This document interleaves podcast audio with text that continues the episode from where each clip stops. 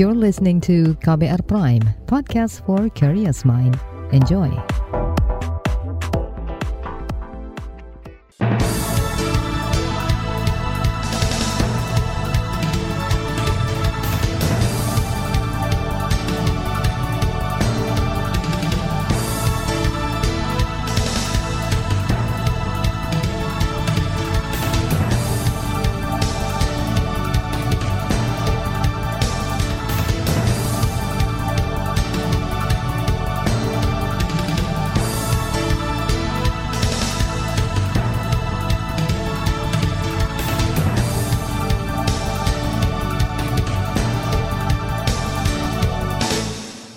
Selamat pagi saudara, senang sekali kami bisa menjumpai Anda kembali melalui program Buletin Pagi edisi Kamis 28 April 2022. Bersama saya Naomi Liandra. Sejumlah informasi pilihan telah kami siapkan di antaranya larangan ekspor minyak sawit mentah dan turunnya dan turunannya resmi berlaku. Realisasi investasi cetak rekor tertinggi. Bupati Bogor Ade Yasin ditangkap KPK. Inilah buletin pagi selengkapnya terbaru di Buletin Pagi. Saudara, ekspor minyak sawit mentah atau CPO dan produk turunannya resmi dilarang mulai hari ini, Kamis 28 April 2022. Presiden Joko Widodo mengatakan kebijakan itu untuk memastikan ketersediaan minyak goreng curah di pasar domestik. Ini yang menjadi patokan saya untuk mengevaluasi kebijakan itu. Begitu kebutuhan dalam negeri sudah terpenuhi, tentu saya akan mencabut larangan ekspor. Karena saya tahu negara perlu pajak, negara perlu devisa, negara perlu surplus neraca perdagangan. Tapi memenuhi kebutuhan pokok rakyat adalah prioritas yang lebih penting. Presiden Jokowi menambahkan larangan ekspor akan berdampak negatif pada serapan hasil panen petani sawit. Namun kebijakan itu merupakan solusi memenuhi kebutuhan minyak goreng di dalam negeri. Jokowi prihatin rakyat sulit mendapatkan minyak goreng, padahal Indonesia adalah salah satu penghasil sawit terbesar dunia. Saudara, larangan ekspor ditujukan pada bahan baku minyak goreng dan seluruh turunan minyak sawit mentah atau CPO. Hal itu ditegaskan Menteri Koordinator Perekonomian Erlangga Hartarto. Ini berbeda dari keterangan sebelumnya yang menyatakan larangan ekspor hanya berlaku untuk bahan baku minyak goreng. Ralat kebijakan dilakukan dalam tempo kurang dari sepekan setelah larangan ekspor diumumkan menindaklanjuti penjelasan pemerintah sebelumnya. Ini menjadi penting agar tidak terjadi perbedaan interpretasi mengenai kebijakan larangan ekspor CPO dan turunannya dalam rangka penyediaan minyak goreng curah dengan harga 14.000 per liter yang merata di seluruh Indonesia. Sesuai dengan keputusan Bapak Presiden dan memperhatikan pandangan dan tanggapan dari masyarakat, kebijakan pelarangan ini didetailkan yaitu berlaku untuk semua produk baik itu CPO RPO, RBD palm oil, POME, dan used cooking oil. Itu tadi Menko Perekonomian Erlangga Hartarto. Kebijakan pemerintah yang sering berubah-ubah dikritik anggota Komisi Industri DPR Amin Aka. Politikus PKS ini menekankan semestinya pemerintah memakai pendekatan holistik sebelum mengambil kebijakan jangan buat kebijakan yang sifatnya trial and error gitu ya. Coba-coba. Kan bukan bukan apa ya bukan makomnya lah ya. Pemerintah seperti itu bang. Pemerintah itu gudangnya. Orang pinter ya hmm. ngerti semua punya data ya punya sumber daya. Dan mereka juga uh, apa namanya diikat oleh konstitusi untuk menjalankan konstitusi. Mestinya ya buat kebijakan yang jelas terukur dan menguntungkan semua pihak. Anggota Komisi Industri DPR Amin Aka memprediksi larangan ekspor akan berlangsung lama. Ia mengingatkan kebijakan ini akan membuat petani lokal merugi. Selain itu, Indonesia bakal bermasalah secara bilateral dengan negara-negara pengimpor minyak sawit. Kerugian itu sudah dirasakan kalangan petani sawit. Harga buah kelapa sawit atau tandan buah segar TBS sudah anjlok hingga 50 persen bahkan sebelum larangan diberlakukan. Alhasil petani merugi hingga lebih dari 11 triliun rupiah. Ketua Umum Serikat Petani Indonesia Henry Saragi menagih kompensasi dari pemerintah atas kerugian ini. Kami ingin katakan uh, pemerintah harus uh, memerintahkan perusahaan pabrik kelapa sawit ya membayar kerugian ya kompensasi atas harga kelapa sawit kami yang dibeli dengan harga murah tersebut. Jadi ini harus ya ini jangka pendek sekali. Henry juga meminta pemerintah mengawasi ketat pelaksanaan keputusan Menteri Pertanian tentang penetapan harga tandan buah segar TBS. Pengusaha tidak boleh membeli TBS di bawah harga yang ditetapkan. Selain itu, ia juga meminta tata kelola sawit dirombak. Perkebunan sawit mestinya dikelola petani sebagai bagian dari program reforma agraria. Larangan ekspor CPO dan produk turunannya dikritik ekonom Indef Rusli Abdullah. Kata dia, kebijakan ini tak akan berpengaruh besar pada harga minyak goreng curah di pasar domestik. Kejadiannya berapa lama mas? Nggak usah ada larangan ekspor mas. Udah itu eh, pandangan saya demikian. Jadi nggak usah ada larangan ekspor tapi pemerintah memastikan agar oleh itu bilang ke pengusaha berapa HPP-mu eh, berapa HPP kemudian berapa yang saya dibutuhkan untuk biar HET-nya 14 ribu hmm. tinggal kawal eh, distribusinya udah mas segampang itu usah ibaratnya mau kalau dilarang malah ini ada itu tadi ekonom Indef Rusli Abdullah. Kritik juga dilontarkan pengamat kebijakan publik Narasi Institut Ahmad Nur Hidayat. Kebijakan itu dinilai tak akan berpengaruh pada stok maupun harga jika produsen mengerem produksi minyak. Larangan ekspor juga akan membuat harga CPO global melejit, sehingga membuat geram negara-negara lain.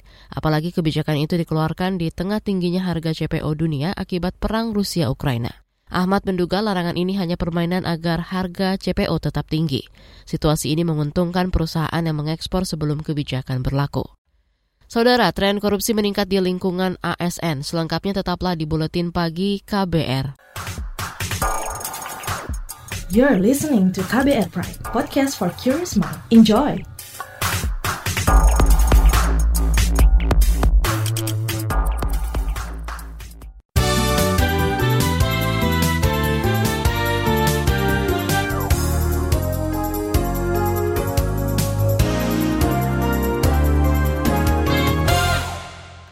Anda sedang mendengarkan buletin pagi KBR.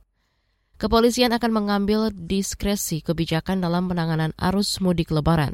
Menurut Kapolri Listio Sigit Prabowo, diskresi itu misalnya pembukaan jalur satu arah atau one way di tol Trans Jawa dari Cikampek hingga Semarang akan dilaksanakan kegiatan one way serentak nanti dimulai tanggal 28 mulai dari jam 17 sore sampai jam 24. Ini kita persiapkan karena kita melihat bahwa kemungkinan prediksi puncak arus mudik akan dimulai di tanggal tersebut. Kapolri Listio Sigit Prabowo menjelaskan pembukaan jalur satu arah untuk mengurai kepadatan. Sigit mengimbau pemudik memilih jalur alternatif selain tol seperti jalan utama Pantura hingga jalur pantai selatan Jawa. Saudara, saat ini volume kendaraan yang masuk ke Jawa Tengah baru mencapai 6 hingga 7 persen. Masih terkait mudik, pemerintah mengakui adanya potensi lonjakan kasus COVID-19 pasca libur lebaran. Ini dipicu peningkatan mobilitas masyarakat dan mutasi baru yang masuk ke Indonesia. Ketua Bidang Perubahan Perilaku Satgas COVID-19, Sorry, Sony Haribe Harmadi. Kemungkinan akan terjadi kenaikan, ya. Tetapi angka hospitalisasinya, angka kesakitannya kemungkinan lebih rendah, jauh lebih rendah. Nah makanya kan sudah berhitung juga ya pemerintah uh, termasuk Satgas apa yang akan terjadi kalau mudik ini uh, dilakukan. Ya memang ada kemungkinan akan terjadi sedikit kenaikan. Ya harapannya tidak terjadi lonjakan yang drastis. Sony Harmadi optimistis lonjakan kasus tidak akan membebani rumah sakit dan tenaga kesehatan, sebab capaian vaksinasi dosis lengkap dan booster sudah terbilang tinggi. Faktor tersebut diyakini membuat lebaran tahun ini aman dibandingkan tahun sebelumnya di masa pandemi. Beralih ke informasi ekonomi, realisasi investasi Indonesia pada kuartal pertama 2022 mencetak rekor tertinggi dalam 10 tahun terakhir. Hal itu disampaikan Menteri Investasi dalam konferensi pers kemarin. Total investasi kita sebesar 282,4 triliun. Ini pada kuartal pertama. Kemudian kalau kita bandingkan QNQ itu pertumbuhannya 16,9 16,9 persen. Sementara kalau dibandingkan dengan tahun kemarin di 2021 pada kuartal yang sama year on year itu tumbuhnya 28,5 persen. Ini rekor 10 tahun terakhir. Di mana pertumbuhan realisasi investasi QNQ kita itu baru kali ini tumbuh 16 persen. Sementara year on year-nya juga itu 28,5 persen. Ini rekor 10 tahun terakhir. Menteri Investasi Bahlil Lahadalia mengklaim rekor investasi tercapai karena dukungan kebijakan pemerintah yang memberikan kepastian ke investor. Realisasi investasi itu antara lain berasal dari penanaman modal asing yang mencapai 14 triliun rupiah. Investasi kuartal pertama didominasi sektor industri layanan dasar, barang logam, bukan mesin, dan peralatannya. Kita beralih ke informasi hukum. Lingkungan kerja aparatur sipil negara ASN masih menjadi area rawan korupsi. Pernyataan ini disampaikan Menteri Pendayagunaan Aparatur Negara dan Reformasi Birokrasi Menpan RB, Cahyo Kumolo, saat sosialisasi pelaksanaan survei penilaian integritas. Itu sebab, kata dia, sistem yang kuat perlu dibangun untuk menutup celah ASN korupsi. Karena di lingkup ASN PNS ini, Bapak Ibu sekalian, saya kira area rawan korupsi itu masih menunjukkan tren yang meningkat. Menteri Pan RB Cahyokumolo menyebut sejumlah area rawan korupsi, di antaranya pengadaan barang dan jasa, perencanaan anggaran dan hibah dan dana bansos. Kata dia perlu ada kerjasama kuat antara penegak hukum dan pengawas internal pemerintah untuk memberantas korupsi. Direktur Utama Pertamina Nike Widiawati kemarin akhirnya memenuhi panggilan Dewan Pengawas KPK terkait dugaan pelanggaran etik Wakil Ketua KPK Lili Pintauli Siregar. Nike datang usai dua kali mangkir dari panggilan sebelumnya. Dalam kasus ini, Nike diduga sebagai pemberi fasilitas kepada Lili berupa tiket nonton balap MotoGP dan penginapan. Usai diperiksa, Nike enggan memberikan keterangan kepada awak media. Kita beralih ke berita mancanegara. Presiden Vladimir Putin bertemu dengan Sekretaris Jenderal PBB Antonio Guterres. Ia mengungkapkan masih berharap pada upaya dialog damai demi menghentikan perang dengan Ukraina. Dikutip dari AFP, Putin menegaskan tak pernah menolak dialog dengan Ukraina dan akan terus bernegosiasi. Ia mengklaim upaya dialog sempat tersendat akibat tudingan kekejaman yang dilakukan pasukan Rusia dibuka. Sebelumnya kedua negara sempat menggelar dialog tetapi selalu buntu. Dalam dialog terakhir, Rusia tetap mendesak Ukraina menjadi negara netral alias tak berafiliasi dengan aliansi militer internasional mana pun. Kita beralih ke berita olahraga. Liverpool menang 2-0 atas Villarreal pada leg pertama semifinal Liga Champions di Stadion Anfield Kamis dini hari tadi. Di babak pertama, kedua tim bermain alot sehingga tak ada gol tercipta. Pesta tim tuan rumah di awal gol bunuh diri Pervis Estupinan di menit ke-53. Gol ini membuat lini pertahanan Villarreal goyah. Dua menit kemudian, The Reds menambah skor menjadi 2-0 lewat sontekan Sadio Mane. Di bagian berikutnya, kami hadirkan laporan khas KBR bertajuk Strategi Pemerintah Hadapi Ancaman Inflasi. Tetaplah di Buletin Pagi KBR. You're listening to KBR Pride, podcast for curious mind. Enjoy!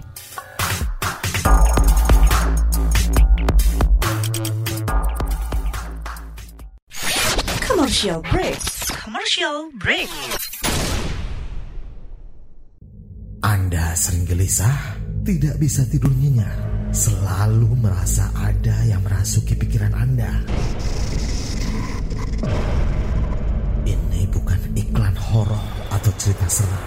Tapi kalau Anda mengalami hal seperti itu, Anda pasti ketinggalan berita terupdate yang lagi ramai diperbincangkan. Gak mau kan dibilang ketinggalan berita?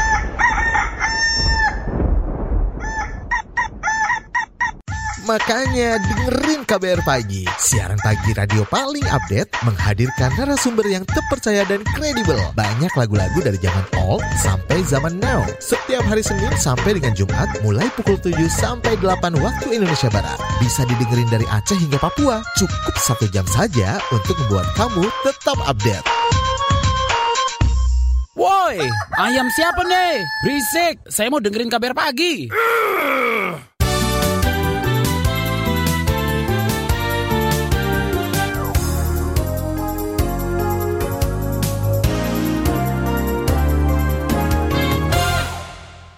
Anda masih bersama kami di Buletin Pagi KBR. Harga sejumlah bahan pokok dan energi sudah mulai meningkat di dalam negeri.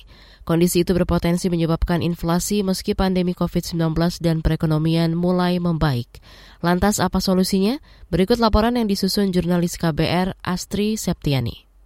Saudara, inflasi merupakan salah satu tantangan pertumbuhan ekonomi di Indonesia saat ini. Faktornya antara lain ketidakpastian global. Selain itu, terjadi kelangkaan energi, kelangkaan pangan, dan minimnya kontainer serta inflasi yang tinggi di banyak negara di dunia. Belum lagi kondisi perang antara Rusia dan Ukraina yang masih belum berakhir mengakibatkan krisis ekonomi di dunia makin dalam. Ketegangan politik global pun ikut meningkat. Itu sebab Presiden Joko Widodo mewaspadai semua dinamika tersebut, sebab Indonesia pasti akan terkena dampaknya. Harga minyak naik, gas naik, bahan baku pupuk naik, dan harga gandum juga naik. Inflasi tentu saja juga semakin meningkat. Permasalahan-permasalahan tersebut menjadi tantangan bagi banyak negara termasuk Indonesia. Tantangan-tantangan ini harus kita sikapi dengan sangat hati-hati. Selain inflasi, Dana Moneter Internasional atau IMF memperkirakan negara-negara Asia akan berpotensi terjadinya ancaman stagflasi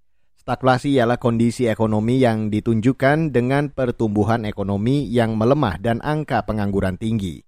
Hal ini dikarenakan harga komoditas yang meningkat tinggi akibat perang Rusia-Ukraina serta risiko perlambatan pertumbuhan ekonomi Cina. IMF memperkirakan pertumbuhan ekonomi kawasan Asia akan lebih rendah, sementara laju inflasi akan meningkat tinggi. Pertumbuhan ekonomi kawasan Asia diperkirakan tumbuh 4,9 persen pada tahun ini, atau 0,5 persen lebih rendah dari perkiraan sebelumnya. Namun, pemerintah mengklaim punya jurus jitu mengatasi inflasi di tanah air.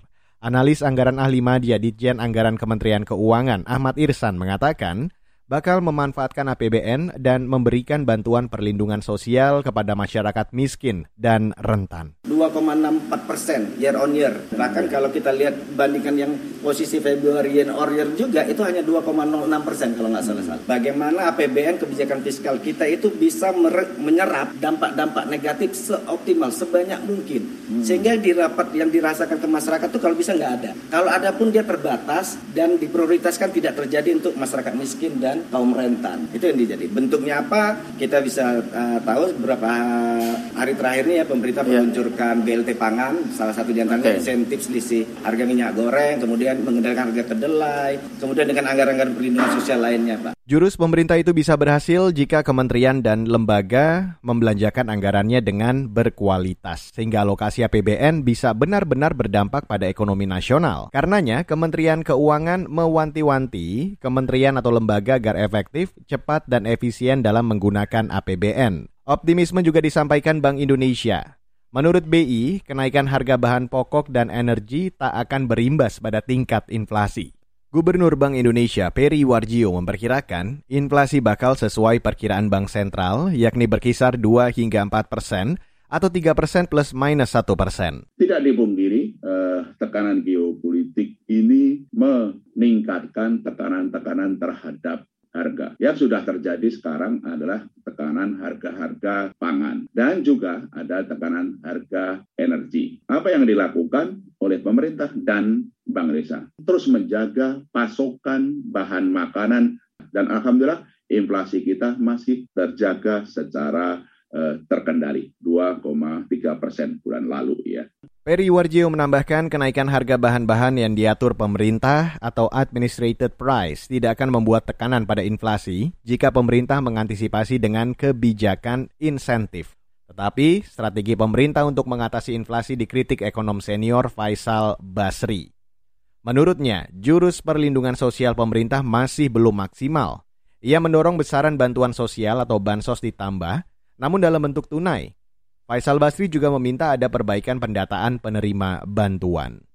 Jadi udah tambah aja bansosnya. Jadi nanti isinya bansos minyak goreng, bansos hmm. Tahu tempe, bisa jadi gitu kan. Jadi norak gitu. Dan administrasinya jadi ribet karena nanti ada kartunya lagi buat bansos bisa cara berpikirnya kok ruwet. BLT-nya di, di dinaikkan. Kemudian coveragenya orangnya jumlah orangnya dinaikkan karena kan bisa dihitung tuh ya. Jadi misalnya orang yang di atas garis kemiskinannya 10% di atas garis kemiskinan barangkali 50 persennya itu udah miskin sekarang Menurutnya, perbaikan data sangat mudah dilakukan sebab bisa dilakukan survei dengan metode yang canggih. Kata dia, dengan pendataan yang akurat, program bansos bakal lebih tepat sasaran. Selain itu, sudah menjadi tugas negara untuk memastikan masyarakat hidup dengan layak, antara lain dengan pemberian jaring pengaman sosial. Saudara, demikian laporan khas KBR yang disusun jurnalis Astri Septiani. Saya, Reski Mesanto. Informasi dari berbagai daerah akan hadir usai jeda. Tetaplah bersama Buletin Pagi KBR. You're listening to KBR Pride, podcast for curious mind. Enjoy!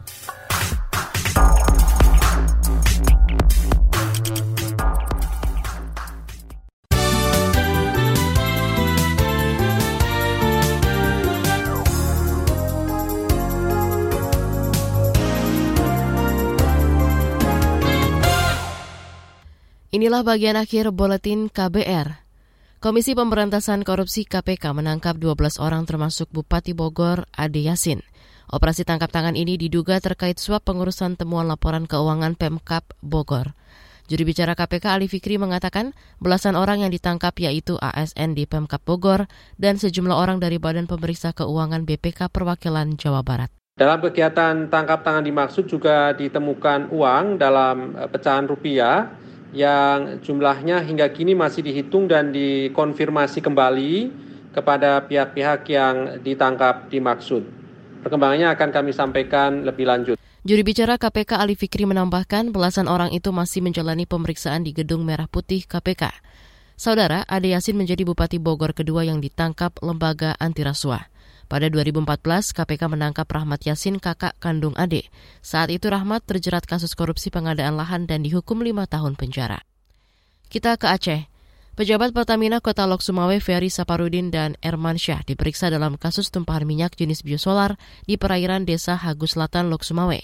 Selanjutnya polisi akan memanggil tenaga ahli Dina Lingkungan, Lingkungan Hidup. Berikut keterangan Kepala Satuan Reserse dan Kriminal Polsek Lok Sumawe, Jessica Yulian. Untuk hari ini kita lakukan klarifikasi pada pihak Pertamina terkait dengan kejadian spill oil. Karena eh, yang kita tahu dari CV Catalina itu sendiri melakukan pengisian minyak, kemudian baru kita tahu pada hari Minggu terjadi spill oil. Ada berapa orang yang dipanggil Pak? Kalau untuk saat ini yang baru kami panggil ada dua dari pihak Pertamina. Sebelumnya masyarakat menemukan tumpahan biosolar di perairan pesisir pantai Desa Hagu Selatan, Lok Sumawe pada hari Minggu lalu. Diduga pencemaran berasal dari bocornya motor tanker Catalina yang sedang melakukan pembongkaran di dermaga. Memasuki Hamin 4 Lebaran, pemudik mulai memadati Bandara Banyuwangi, Jawa Timur. PLT Manager of Operational Service dan Maintenance Pranata Sembiring mengatakan ada peningkatan volume penumpang untuk berbagai tujuan. Untuk mengoptimalkan layanan, pengelola memperpanjang jam operasional hingga pukul 4 sore. Itu sudah mulai kelihatan peningkatan dari kemarin.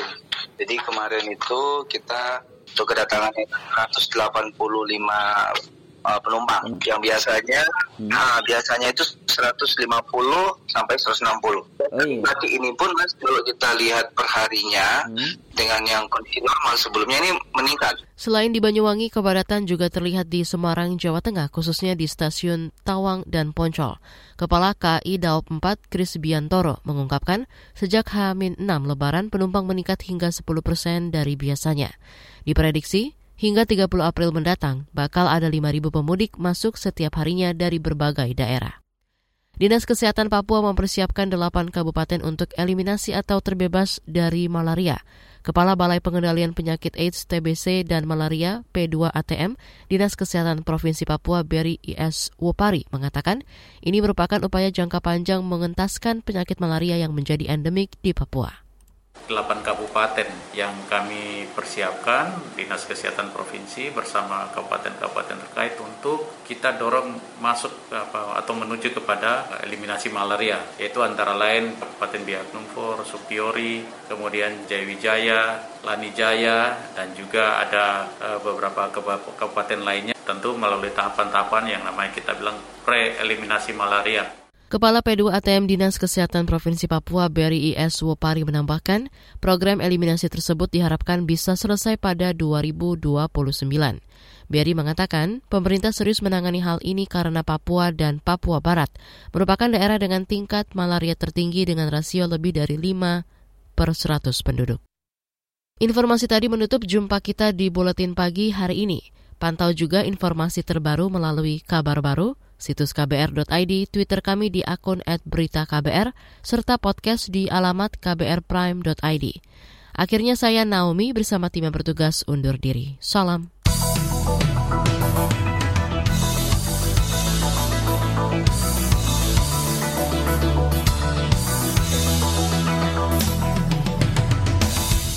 KBR Prime, cara asik mendengar berita. KBR Prime, podcast for curious mind.